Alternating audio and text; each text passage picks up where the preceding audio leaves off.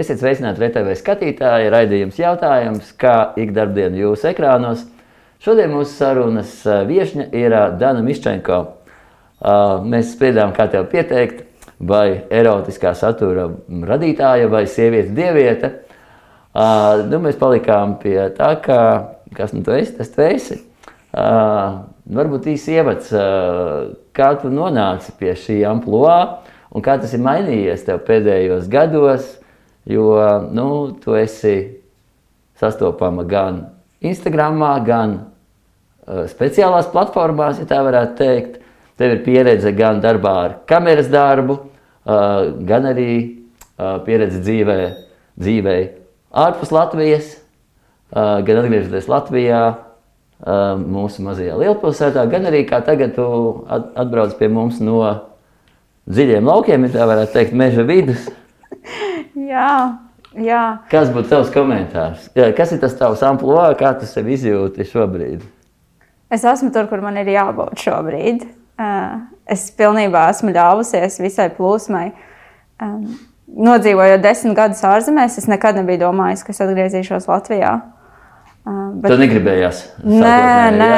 Tad, kad es braucu prom, es braucu ar pārliecību, ka Latvija nav priekš manis pilnībā. Man vienmēr bija pārliecība, ka man te darīt nav ko, man te neviens nesapratīs. Un, uh, tas bija dēļ cilvēkiem, līdz cilvēkiem, vai, vai tas bija dēļ vides, kurā es esmu izaugusi. Es redzēju tikai savu to burbuli, un es nemaz nezināju, kā ir ārpus tā burbuļa. Es zināju, ka tajā vidē, kurā es uzaugu, es sapratu, ka es nevēlos būt. Es sapratu, ka man ir jāsāk veidot savu realitāti. Un tad es aizbraucu un kā nu mācēju, es viņu tur kaut kā veidoju. Un, nu, pa lielam es biju manifestējis visu, ko es vēlējos. Es gribēju apprecēties, es apprecējos, es gribēju ceļot, es ceļoju. Man bija patstāvīgs darbs, man bija mašīna, man bija dzīvoklis. Viss it kā. Lietas savā vietā un dzīvo pa īstam. Ja? It kā, jā. Bet ko es neapzinājos, ka tas jau nebija tas, ko es patiesībā vēlos. Tas ir tas, ko sabiedrība diktē, ka mums vajag. Bet nu, es baigi veiksmīgi to visu izdarīju, visu panācu, visu, visu manifestēju. Un tad apmēram kaut kādā astotajā gadā, esot tur, septītajā, astotajā, es sapratu, ka kaut kas nav riktīgi. Kad, nu, tādai dzīvei nav jābūt. Ka kaut kam ir jāmainās. Ka tas vēl nevar būt, ka tas ir viss, ja, kas ir vajadzīgs. Jā, jā, bet es nevarēju saprast, kas tas ir. Un tad bija dažādi notikumi, tur, piemēram, avārija vai kaut kādi citi notikumi, kas liek aizdomāties. Ja? Jā, sakritības. Un liekas, uz īsu brīdi vienmēr bija tāds, jā, kaut kam ir jānotiek, tā ir zīme. Bet ļoti ātri vienmēr aizmirsās ļoti vienmēr aizmirsās, tikko atpakaļ rutīna, atpakaļ darbs, atpakaļ ģimenes dzīve, viss tas kā, aizmirstās, ka jāmainās lietām dzīvē. Un tad pēc kāda laiciņa es izšķīros, un tad sākās man tā kā atmoda caur depresiju, jo es ieslīgu depresijā. Tā klīniski, jā. Ja?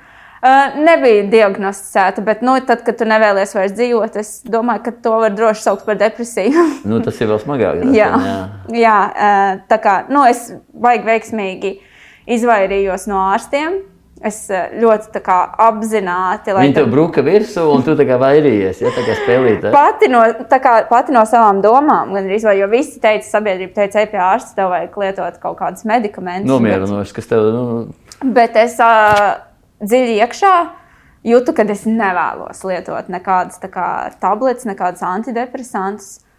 Lai gan slikti jutos, bet bija kaut kur tam pāri visam dziļāk iekšā ticība, ka es varu tikt galā ar to. Un tad uh, jaunais gads, no 2019. līdz 2020. gadu, es pieņēmu savu lēmumu tieši pusnaktī. Tas bija kaut kā ļoti ikoniski, ting, ting. jā, tad, bet tas saslēdzās iekšā toreiz. Un es pieņēmu lēmumu, ka dzīvē ir jāmainās, ka man ir jāmainās, lai dzīve izmainītos. Un tad es sāku arī apzināties, pievērsties tam visam. Pusgadu vēlāk es biju atpakaļ Latvijā. Jo es sev apsolīju tajā jaunajā gadā, kad es ļaušos plūsmai. Kam ir jānotiek, tas jānotiek. Un tā plūsma mani atved uz Latviju. Uh, Es pat īsti nezināju, kāpēc. Angliski tas sauc par flow. Jā, jā, jā, jā tieši tā. Salasījos grāmatas, sapratu, ka tā, tas ir tas, kā man ir jādzīvo. Un, uh, nu, jā, es zināju, ka man vajag uzlabot attiecības ar ģimeni. Un es jau kaut kādus vairākus mēnešus nebiju bijis darbā dēļ Covid. Um, bet man bija dīkstā, man viss maksāja, 100%. Man bija laiks priekš sevis. Es varēju veltīt sev visu laiku, ko vēlējos.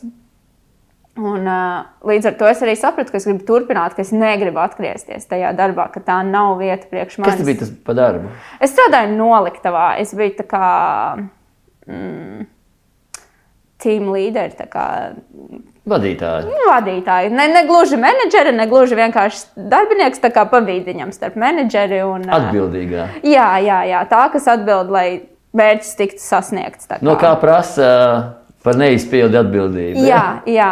Un pa lielam darbs kaulas baigi nelauza, bet morāli tas mani grāva. Kas tev, kas tev bija vistraucējušākais tajā situācijā? Ja tu minēji, ka tev kaut kā, nu, tu jūties, ka tu neesi savā ādā, ka tu gribi mainīt kaut ko. Kas bija galvenie kaut kādi tie nu, aizķeres punkti? Kas, kas tev negāja kopā ar to, kā tu vēlies justies vai kā Nu, tu vēlies, lai lietas notiek? Tad, kad man nāk virsū trauksmes tikai tāpēc, ka es aizēju uz darbu, kad man reibst fiziski galva un es nevaru paiet taisni, vienkārši ieejot tajā ēkā, es saprotu, ka kaut kas nav Citur riktīgi. vari, bet tur nevar. Mājās viss kārtībā, visur citur viss kārtībā. Es sapratu, ka nu, tā nav jābūt. Es aizēju pie ārsta, stāstu ārstam, ārsts domā, nu, viņi skatās uz maniem, un viņi netic man. Viņi saka, ko tu gribi no manis? Es saku, es gribu, lai jūs pasakāt, ka man viss ir kārtībā. Tev viss ir kārtībā, bet es, ne, bet es nejūtu, ka viss ir kārtībā. Un tad es sapratu, ka es esmu viena pati ar to, ka man ir jātiek galā, bet nu, es tiku galā. Es atradu izēju mm, un palīdzēju ļoti meditācijas, tā kā būt klātesošai pašai ar sevi, sākt vērot sevi un sākt piedot sev. Man bija daudz, ko es nevarēju piedot, un tas man laikam ļoti bojāja to fizisko Ka tu ēdi pati sevi Jā, nost. jā, un tas bija arī tas iemesls, kad kaut kādos brīžos negribējās vairs dzīvot. Jo, nu, jā, ja mēs esam dusmīgi paši uz sevi, nu, tad kādi Nu, jā, ja, ja, ja mums kāds cits nevar piedot, mēs varam iet, mēģināt izlīgt, eh, lūgt atdošanu, atvainoties, nožēlot, bet, ja tā cīņa ir pašam ar sevi, tad tur ir eh, citas tās attiecības. Jā, jā. Eh, Kas tev bija galvenie punkti? Tu vari neiedzināties detaļās, bet eh, ko tik ļoti tu biji sev nodarījusi pāri, ka tev bū, bija grūti ar to tikt tālāk? Um, es uh, krāpu savu vīru, bijušo vīru. Um, Vai tas bija par cēloni tam, ka jūs laulību izjukat? um, jā, un nē. Drīz, mm, daļēji es aizgāju, tāpēc, ka es nevarēju ar sadzīvot ar to, jo es nevarēju sev piedot. Bija citi iemesli, kāpēc tas sākās. Um, Nu, jā, Bet- līdzenā vietā, kā saka, puķis nav. jā, jā, bet uh, aizgāju es pa lielam, tāpēc, ka es nevarēju sev piedot, un es sapratu, ka nu, tur glābjams arī nekas nav.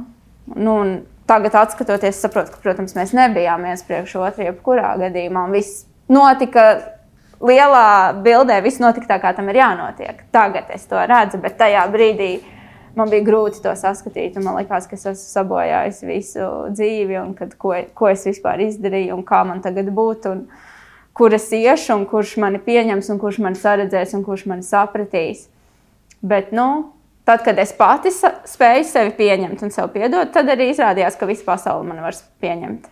Kas tev palīdzēja? Kād, kādus tu beidz šos meklējumu ceļus? Jo nu, cilvēkiem ir nu, plašs spektrs. Var, var vienkārši klausīties YouTube podkastus, var nu, iesaistīties nezinu, sektā, kultā un tā tālāk, kur gūt ļoti lielu atbalstu no līdzīgi domājošajiem un nu, kad saliedējušais faktors. Un, un parasti nereti cilvēki, tad, kad viņi ir kaut kādā it kā varbūt no malas liekas apšaubāmā uh, kustībā, ja, bet viņiem tas tajā brīdī strādā. Viņi sasniedz savus kaut kādus mērķus un tā tālāk. Kā, kādi tev bija šie te, nu, uh, ceļa uh, stabiņi vai pēc, nu, pēc kā tu vadījies vispār meklējumos? Man pirmais bija grāmatas, kuras uh, man ieteica patiesībā mans bijušais vīrs. Viņš zināja, cik man ir slikti. Viņš man Viņš bija Latvijas? Nē, Latvijas, mhm. jā.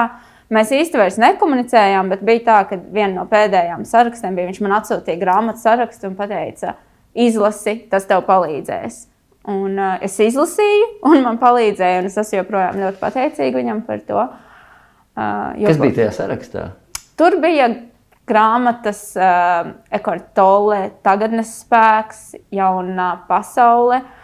un Maikls Jaunā Singer. pasaulē tas ir uh, Brave New World? Nē, New Earth. jā. New Earth.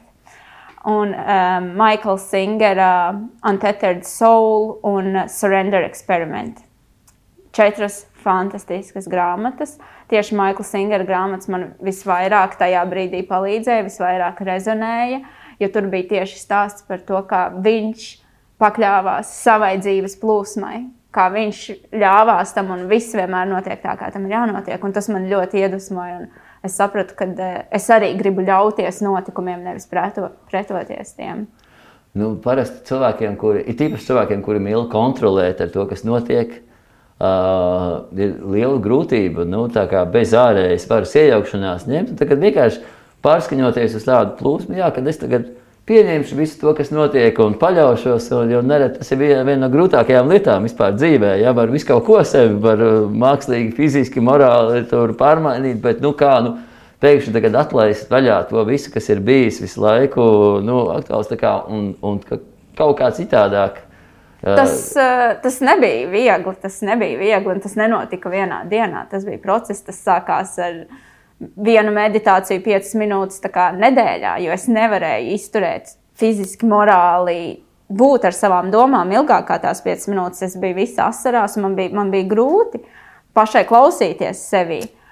Tas bija par rētai pastaigai arī varbūt reizi nedēļā, tad tas bija kaut ko pavingrot un sākt uzrakstīt savu vēstuli. Tie bija mazi solīši un palēnām tas bija jau vairākas reizes nedēļā, līdz kamēr tas ir katru dienu. Tas ir, ir neatņemama dzīves sastāvdaļa. Es nevaru iesākt dienu bez meditācijas.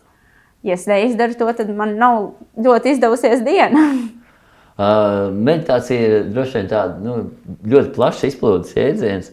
Ir cilvēki, kas to saista ar kaut kādām konkrētām disciplīnām, vai konkrētām nu, darbībām, mehāniskām, kuras nu, palīdz ievest sevi kaut kādā stāvoklī, kurā it kā nu, nomierinās prāts vai izlīdzsvarojās. Uh, kāds, kāds bija tas uh, leņķis, kā tu tam pietuvojies, kā tu ļāvi tam ienākt vairāk savā dzīvē? Man tas ir uh, vairāk mācīties būt vērotājai.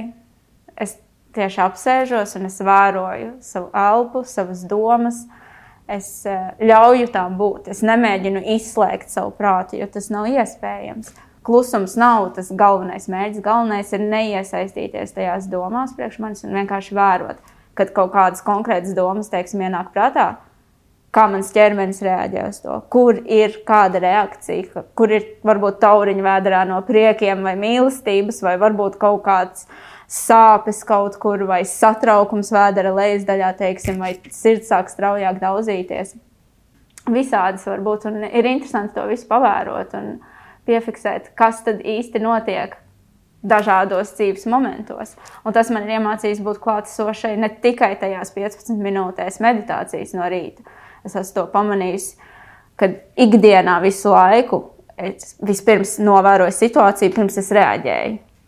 Tas ir man devis to, to spēju nesasteigt savu reakciju uz notikumiem. Bet es visu to darīju, neapmeklējot eh, profesionālu psihoterapeitu vai psihologu. Tas bija tavs eh, pašs meklējuma ceļš, un, un šie te, te, paņēmieni vai, vai mehānismi, tu, tu viņus uzgāji tā kā meklējuma ceļā. Ja? Es esmu bijusi pie terapeita uz sešām nodarbībām tieši.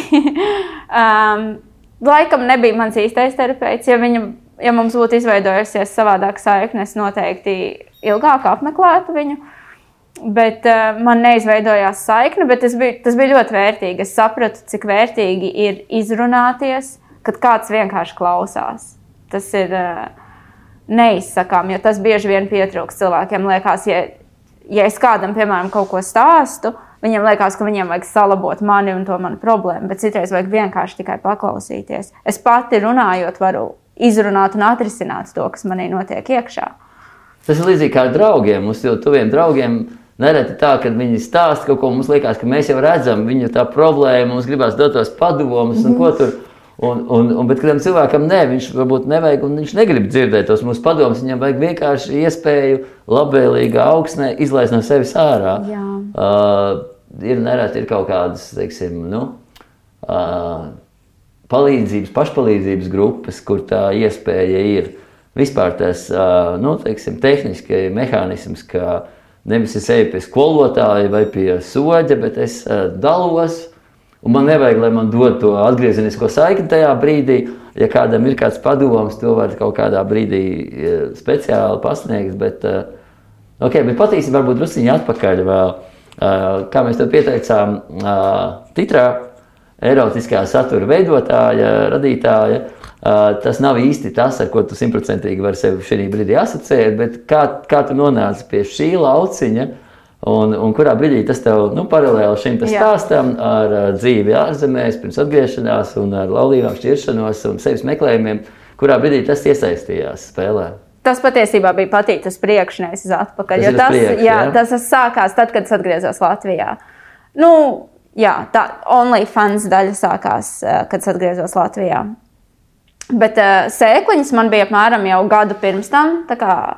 Ik pa laikam stādījās galvā, kad kāds kaut ko teica Instagramā, kad mm, es labprāt redzētu necenzētas bildes. Es būtu gatavs maksāt par to. Man liekas, mm, interesanti.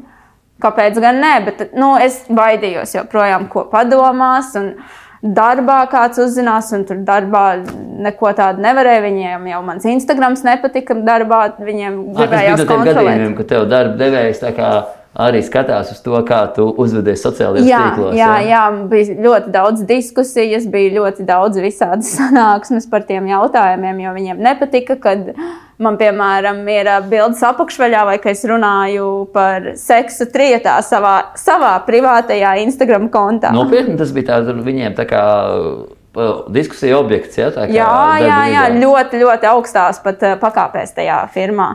Tā ka ne tikai mūsu, mūsu tajā vietā, bet arī kā, Londonā, tajos galvenajos oficiālos, tas tika apspriests, jo tas bija kaut kas neierasts. Kad uh, trīs cilvēki sanāk, viņi ir draugi, viņiem ir seks. Un viņi pēc tam par to runā. Tā kā tā trešā daļa, tā runāšana par to, jo tas jā, pārējais ja, jā, jā. Nu, nebija tik ļoti kaut kā neiespējams, bet tieši tas, ka par to arī par to atzīst, runā. Jā. Viņiem likās neiespējami, kad mēs paliekam draugi. Viņi gaidīja, ka sāksies drāma, ka, kad meitenes sāks plēst viena otrai matus ārā. Kā vai... būtu varējis jābūt? Jā, jā, un... jā, jā. Un nekas tāds nenotika. Un cilvēki gandrīz vai dusmojās, ka nekas tāds nenotiek. Kad mēs dzīvojam vienkārši savu laimīgo dzīvi, mēs draudzējamies, un dažreiz, dažreiz ir kaut kas vairāk, jo mēs visi tā kā to gribējām. Un, jā, tāds... Nereti, jā, tā, ir tāds pieņemts uzskats. Es, piemēram, visu dzīvoju Latvijā. Un, un man liekas, tā, ka nu, mēs esam ļoti provinciāli tāda, tāda nācija, tāda tautiņa. Un kad ir tie aizspriedumi, un provinciālisms un vispārējais, un, un tā šķiet, ka nu, kaut kur nu, lielajā pasaulē tam vajadzētu būt drusku citādāk. Kā mēs redzam seriālos, ja, tas ir daudz atvērtāk, vai cilvēki ir daudz lielāku šo rezervi par to visu. Uh, tad tavā pieredzē tomēr tā situācija nebija tāda. Manā pieredzē tā situācija nebija tāda. Visur ir gan atvērti domājoši cilvēki, gan arī cilvēki, kam ir ļoti daudz aizspriedumu. Plauktiņiem, kastītēm. Bet tā pieredze patiesībā man ļoti iemācīja mm, nesatraukties par to, ko par mani domā cilvēki. Tur arī man sākās, es kļuvu daudz pašpārliecinātāka. Jo es sapratu, ka viņu domas nesmu es. Jo es dzirdēju tādas lietas par sevi vienkārši katru dienu. Un man bija tāds, par, ko, par ko jūs vispār runājat? Māma Nigaru, jeb māma nepārdzīvoja.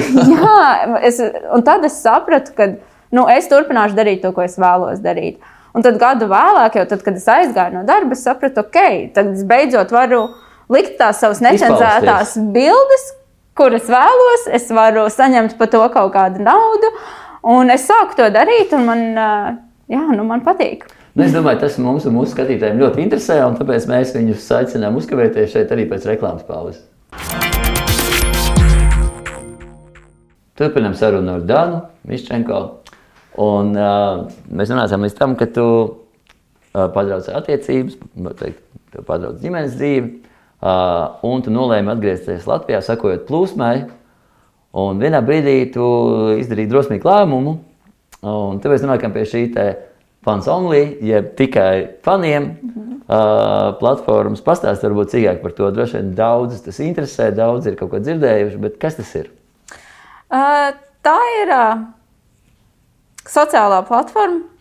Principā varētu pielīdzināt Instagramam tikai par mākslu un bez cenzūras. Es varu likt, publicēt, ko es vēlos Um, man nav jā, jāpiesēdz sev krūtsgali vai, vai dibens vai vēl kaut kas. Es, uh, es, es drīkstu publicēt, kādu saturu vēlos. Un, un tad ir uh, abonenta maksa. Jā, jā, ir abonenta maksa, ir mēneša maksa. Un, protams, ir vēl uh, dzerama naudas, tā kā tips. Tipi. Un, uh, protams, var pirkt arī ekstra kontentu. Jo, piemēram, par mēneša maksu ir pieejamas bildes. Ja kāds grib kaut kādu video, tas jau būs ekstra maksa. Nu, kā, es... Un tas ir tā kā tiek regulēts no tā, ka no vienas puses uh, ir brīvprātīgi. No, meitenes tā kā visticamāk nav nolaupītas, netiek turētas ieslēgtas uh, Dienvidslāvijas uh, kādā pagrabā, ja kur viņas piespiež to darīt. Un, uh, un, un klienti droši vien ir pamatā parasti cilvēki, Jā. kuriem ir nu, dabisks intereses, jā, jā, kas mūsdienās ir izgājuši ārpus teiksim, tiem rāmjiem, kas agrāk aprobežojās ar. Nu, tradicionālajiem, vai arī kāda no viņa bija. Uh, vai tev bija kaut kāds jāpārvar sevi, uh, nu, kaut kāda pretestība, vai tas tev bija kaut kāds izaicinājums, vai tā uzdrošināšanās moments bija? Mm, vienīgais, kas man bija iekšējā saruna ar sevi, vai es tam esmu gatava. Es iz, apdomāju, kāds būs, uh, kas ir iespējams. Nu, man būs jārunā ar ģimeni par to, ar draugiem. Es zināju, uzreiz, ka es nevēlēšos to slēpt. Es būšu atklāta par to. Tad nebija domas, ka tu, nu, viņi to neskatās un viņi to nezinās. Mm, viņi varētu neuzzināt, bet viņi varētu uzzināt netīšām. Es gribēju, lai visi labāk to zinātu no manis. Tu negribēji veidot laika bumbu. Nu, jā, jā, jā. Es zināju, ka es gribu tāpatās arī pateikt Instagram, ka, hei, re, kur ir pieejams jā. šis, un tas jau ir uzreiz publisks uh, statements jā, kaut kāds. Kā.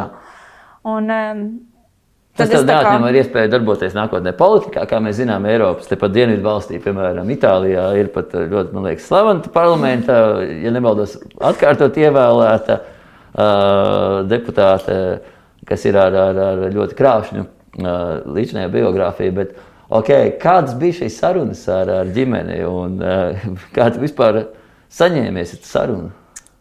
Es, es atgriezos Latvijā, es diezgan ātri uztaisīju savu jau to platformu, uztaisīju pirmo fotosesiju, bija gatava publicēt, un uh, sāka nākt pirmā nauda iekšā. Tā kā es biju no sākuma tik pārsteigta kaut kādā sakarā, ka cilvēki grib redzēt un ir gatavi maksāt. Tu šaubies pēc tam par to?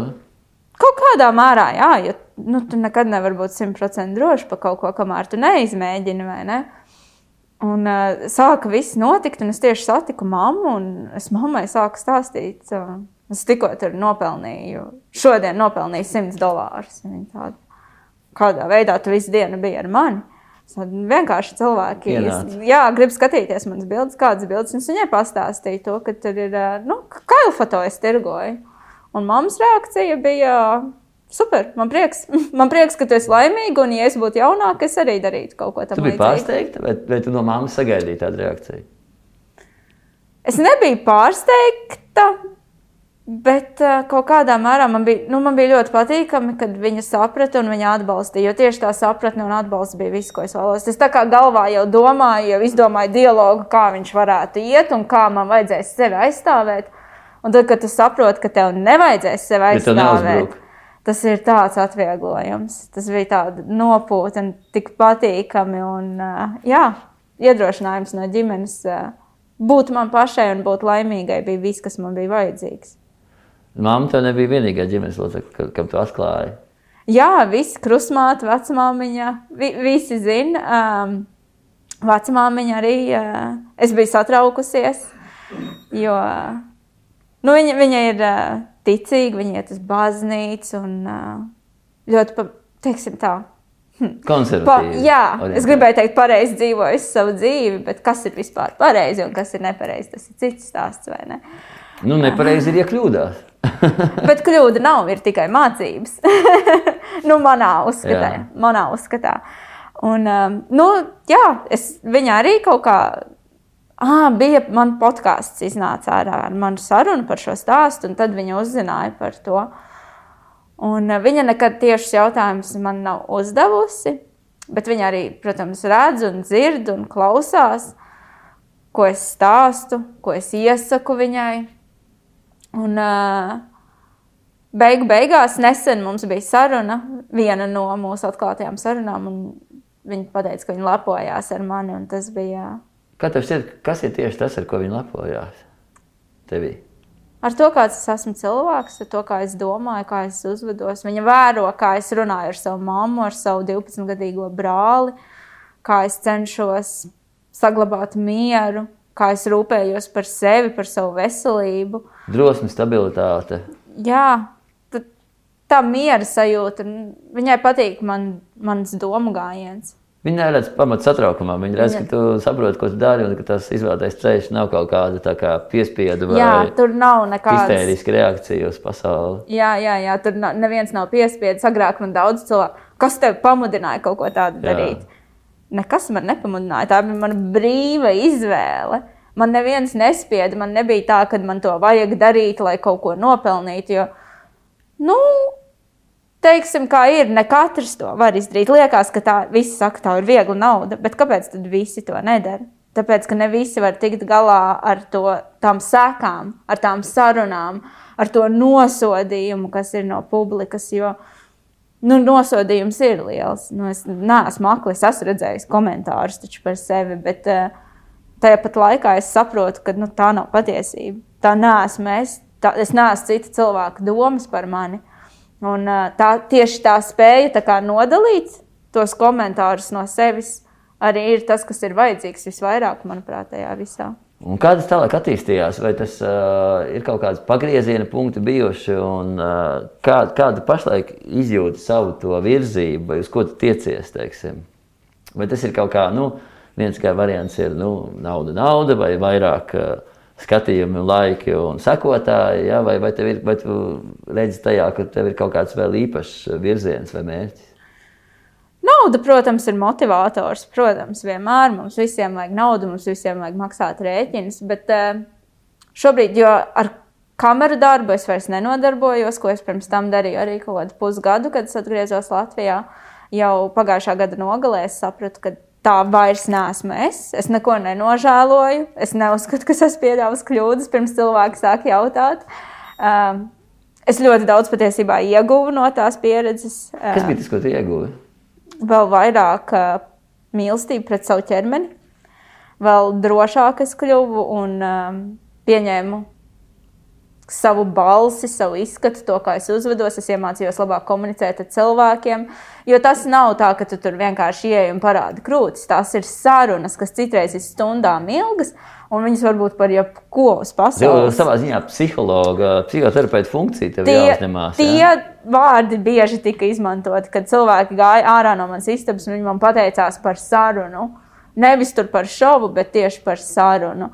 Un, uh, nu, jā, es ļoti izbaudīju to. Man, man patīk tādas dziļākas sarunas ar cilvēkiem, saprast, kāpēc viņi dara to, ko viņi dara, un kas ir aiz tā, kas ir iemesli viņu darbībām.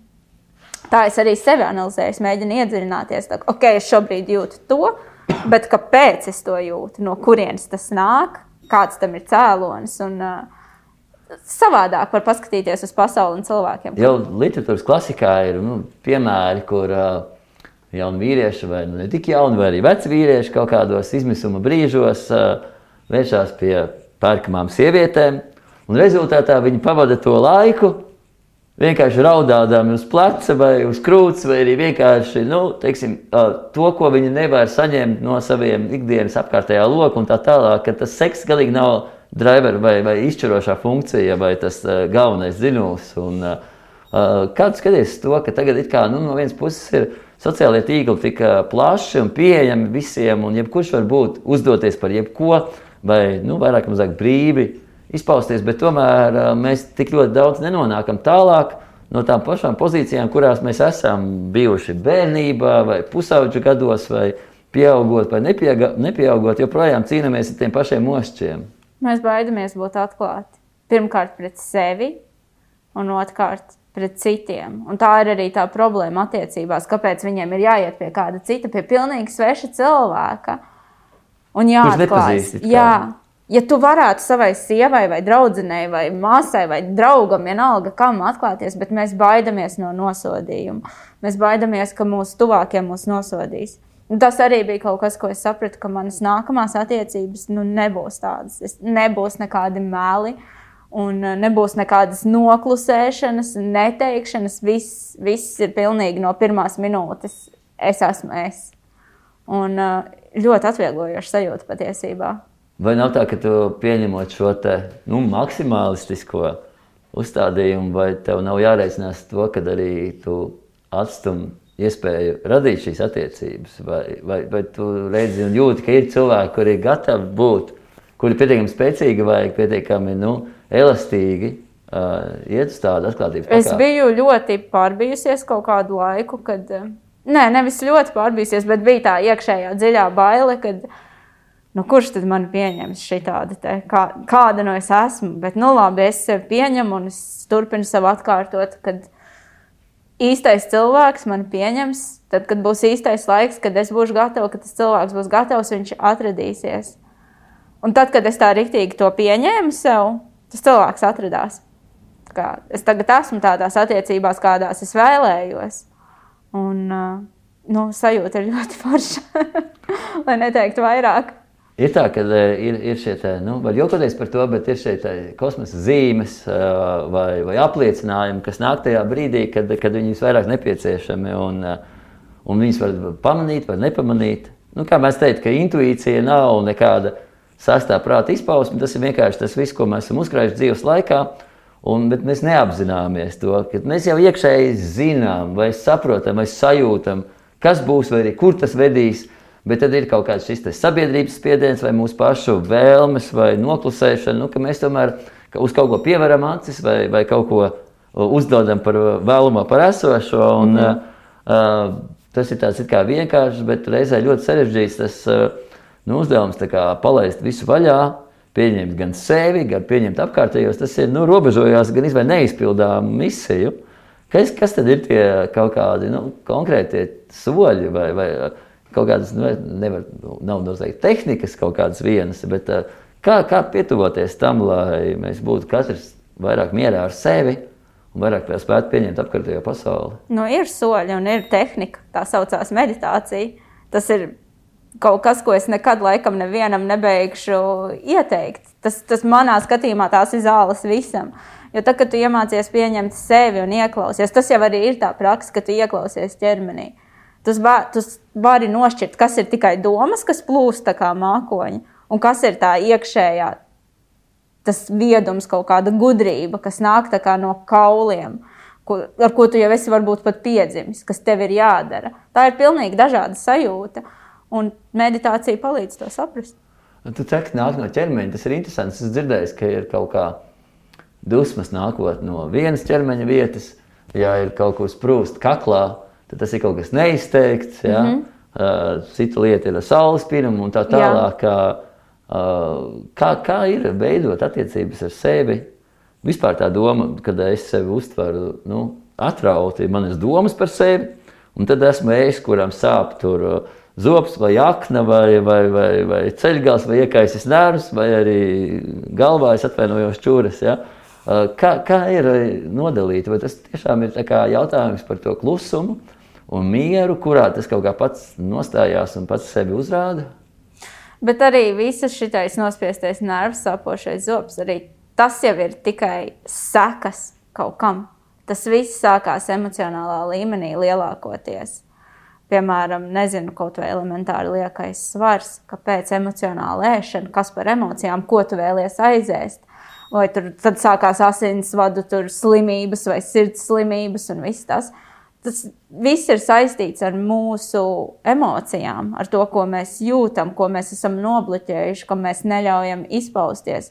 Varbūt mums ir kaut kāds sens aizvainojums vai dusmas, ko mēs nesājam sevi, un bieži mēs pat neapzināmies to. Jo tas varbūt ir noticis, kad mums bija divi gadi, un mēs pat fiziski neatceramies to, jo mēs esam to nobloķējuši, bet mūsu ķermenis atcerās. Un tad kaut kādā laikā ejot, viņš mēģina mums signalizēt, ka, hei, te ir kaut kas pievērs uzmanību, kā, pamēģina iedziļināties. Bet mēs aizējām pie ārsta, un ko dara ārsts? Viņš tev iedod tabletīti, ar šito, tā kā, šito, šito. Jā, un tā kā uzliek plāksteri, bet neatrisina problēmu saknē. Bet tad, kad mēs sākam uzdot sev pareizos jautājumus, piemēram, nu, pie, pieņemsim, ja es tagad saslimtu, un ja es sev pajautātu, nu, kas tad īsti notika? Kāpēc man bija novājināta imūnsistēma, kāpēc, ko, ko es izdarīju ne tā. Es varētu, es zinātu atbildes pati. Es saprastu, kas man ir jādara savādāk. Um, vēl nu, es nevaru neuzdot jautājumu par to, ka, nu, ir šie sociālie tīkli un, ja tā var teikt, tas spektakls, nu, kā ir ārējā publika, ja, un tad ir kā, kā īstie cilvēki, un, ko mēs pazīstam, kas pazīst mm -hmm. mūs tā vai citādi. Un, uh, nu, mūsu laikos ir arvien izplatītāk, ka, ka cilvēki tiecās uz šo te spilgtu uh, uzmanības izraisīšanu, pievēršanu, nu, kas, kas nereti arī iet roku rokā ar popularitāti vai, vai mm -hmm. nu, daudz izpratnē arī ja kaut kāda šaubiznesa, piemēram, pārstāvi. Nu, ka par katru cenu dabūt to pamanītību, neiedziļinoties, kas tur īsti katram vai kurā brīdī patiesi iekšās ir un, un, un tā. Uh, kā tu vari komentēt to nu, āršķirīguma kultu vai nu, kur par katru cenu, jo spilgtāk, jo uzkrītošāk, jo vienalga, vai seksīgāk, vai pretrunīgāk. Ja? Nereti tas var būt pat atšķirties no realitātes, bet cilvēki labprāt iet uz to, pat teiksim, piedalās fiktīvos kaut kādos dzīves peripētījās, vienkārši lai būtu šajā te, nu, ekrānā vai, vai uzmanības lokā. Bet man liekas, ka var atšķirt patiesību no nepatiesības. Un ir cilvēki, kam interesē tās uzspēlētās bildes un samākslotā dzīve, tā Instagram dzīve. Es agrāk mēģināju veidot tādu arī. Man patika ceļot un likt smukas bildes un, un, un rādīt, ka man ir mana perfektā dzīve ar manu perfekto vīru. Mēs esam tik laimīgi, bet ārpus bildes nu, nekas nebija labi vairs. Un, tad, un cilvēki tam tic, un es pati kaut kādā mērā gribēju tam ticēt. Es pati sev meloju galvenokārt, kad es meloju citiem. Un tas atkal iet, nu, kad es nevēlos vairs to darīt. Un man liekas, ka patiesi cilvēks var atšķirt. Tagad, skatoties Instagram, nu, ir grūti. Nekad netici simtprocentīgi nevienam un nekam. Tā kā question everything, ne, uzticēt tikai sev. Jā, vērtējoši. Jā. Uh, bet, uh, lielākoties jau var atšķirt, kurš ir patiesa. Piemēram, kas man ir svarīgi parādīt ne tikai smukos, rožainos momentus, bet runāt arī par to ēnu, par to tumsu, par tām sāpēm, par visiem citiem procesiem, kuriem es eju cauri. Ja, piemēram, es pazudu no Instagram uz nedēļu, nu ir skaidrs, ka es kaut kam eju cauri šobrīd. Un es lielākoties cenšos arī pēc tam pastāstīt, jo tā ir Instagrams ir arī mana dienas grāmata es pati bieži atskatos uz saviem postiem, uz ko es esmu rakstījis. Man tāds, hmm, paldies, tev, Dana. es pati sev bieži vien motivēju, un tieši tāpēc es arī vēlos būt maksimāli atklāta pret sevi galvenokārt. Nu, paldies, tev, Dana. Tiešām paldies par sarunu, paldies par atklātību. Paldies, es ceru, ka tas var dot iedvesmu un uzmundrinājumu daudziem un daudzām, kam tas nepieciešams tieši šajā brīdī. Atgādināsim, kā te var atrast Instagram. Dana Miščenko. Dana Miščenko, tik vienkārši. Tik vienkārši. Jā, nu, paldies tev, sieviete, dieviete. Paldies par paldies, sarunu un paldies skatītājiem par uzmanību. Paldies. Visu labu!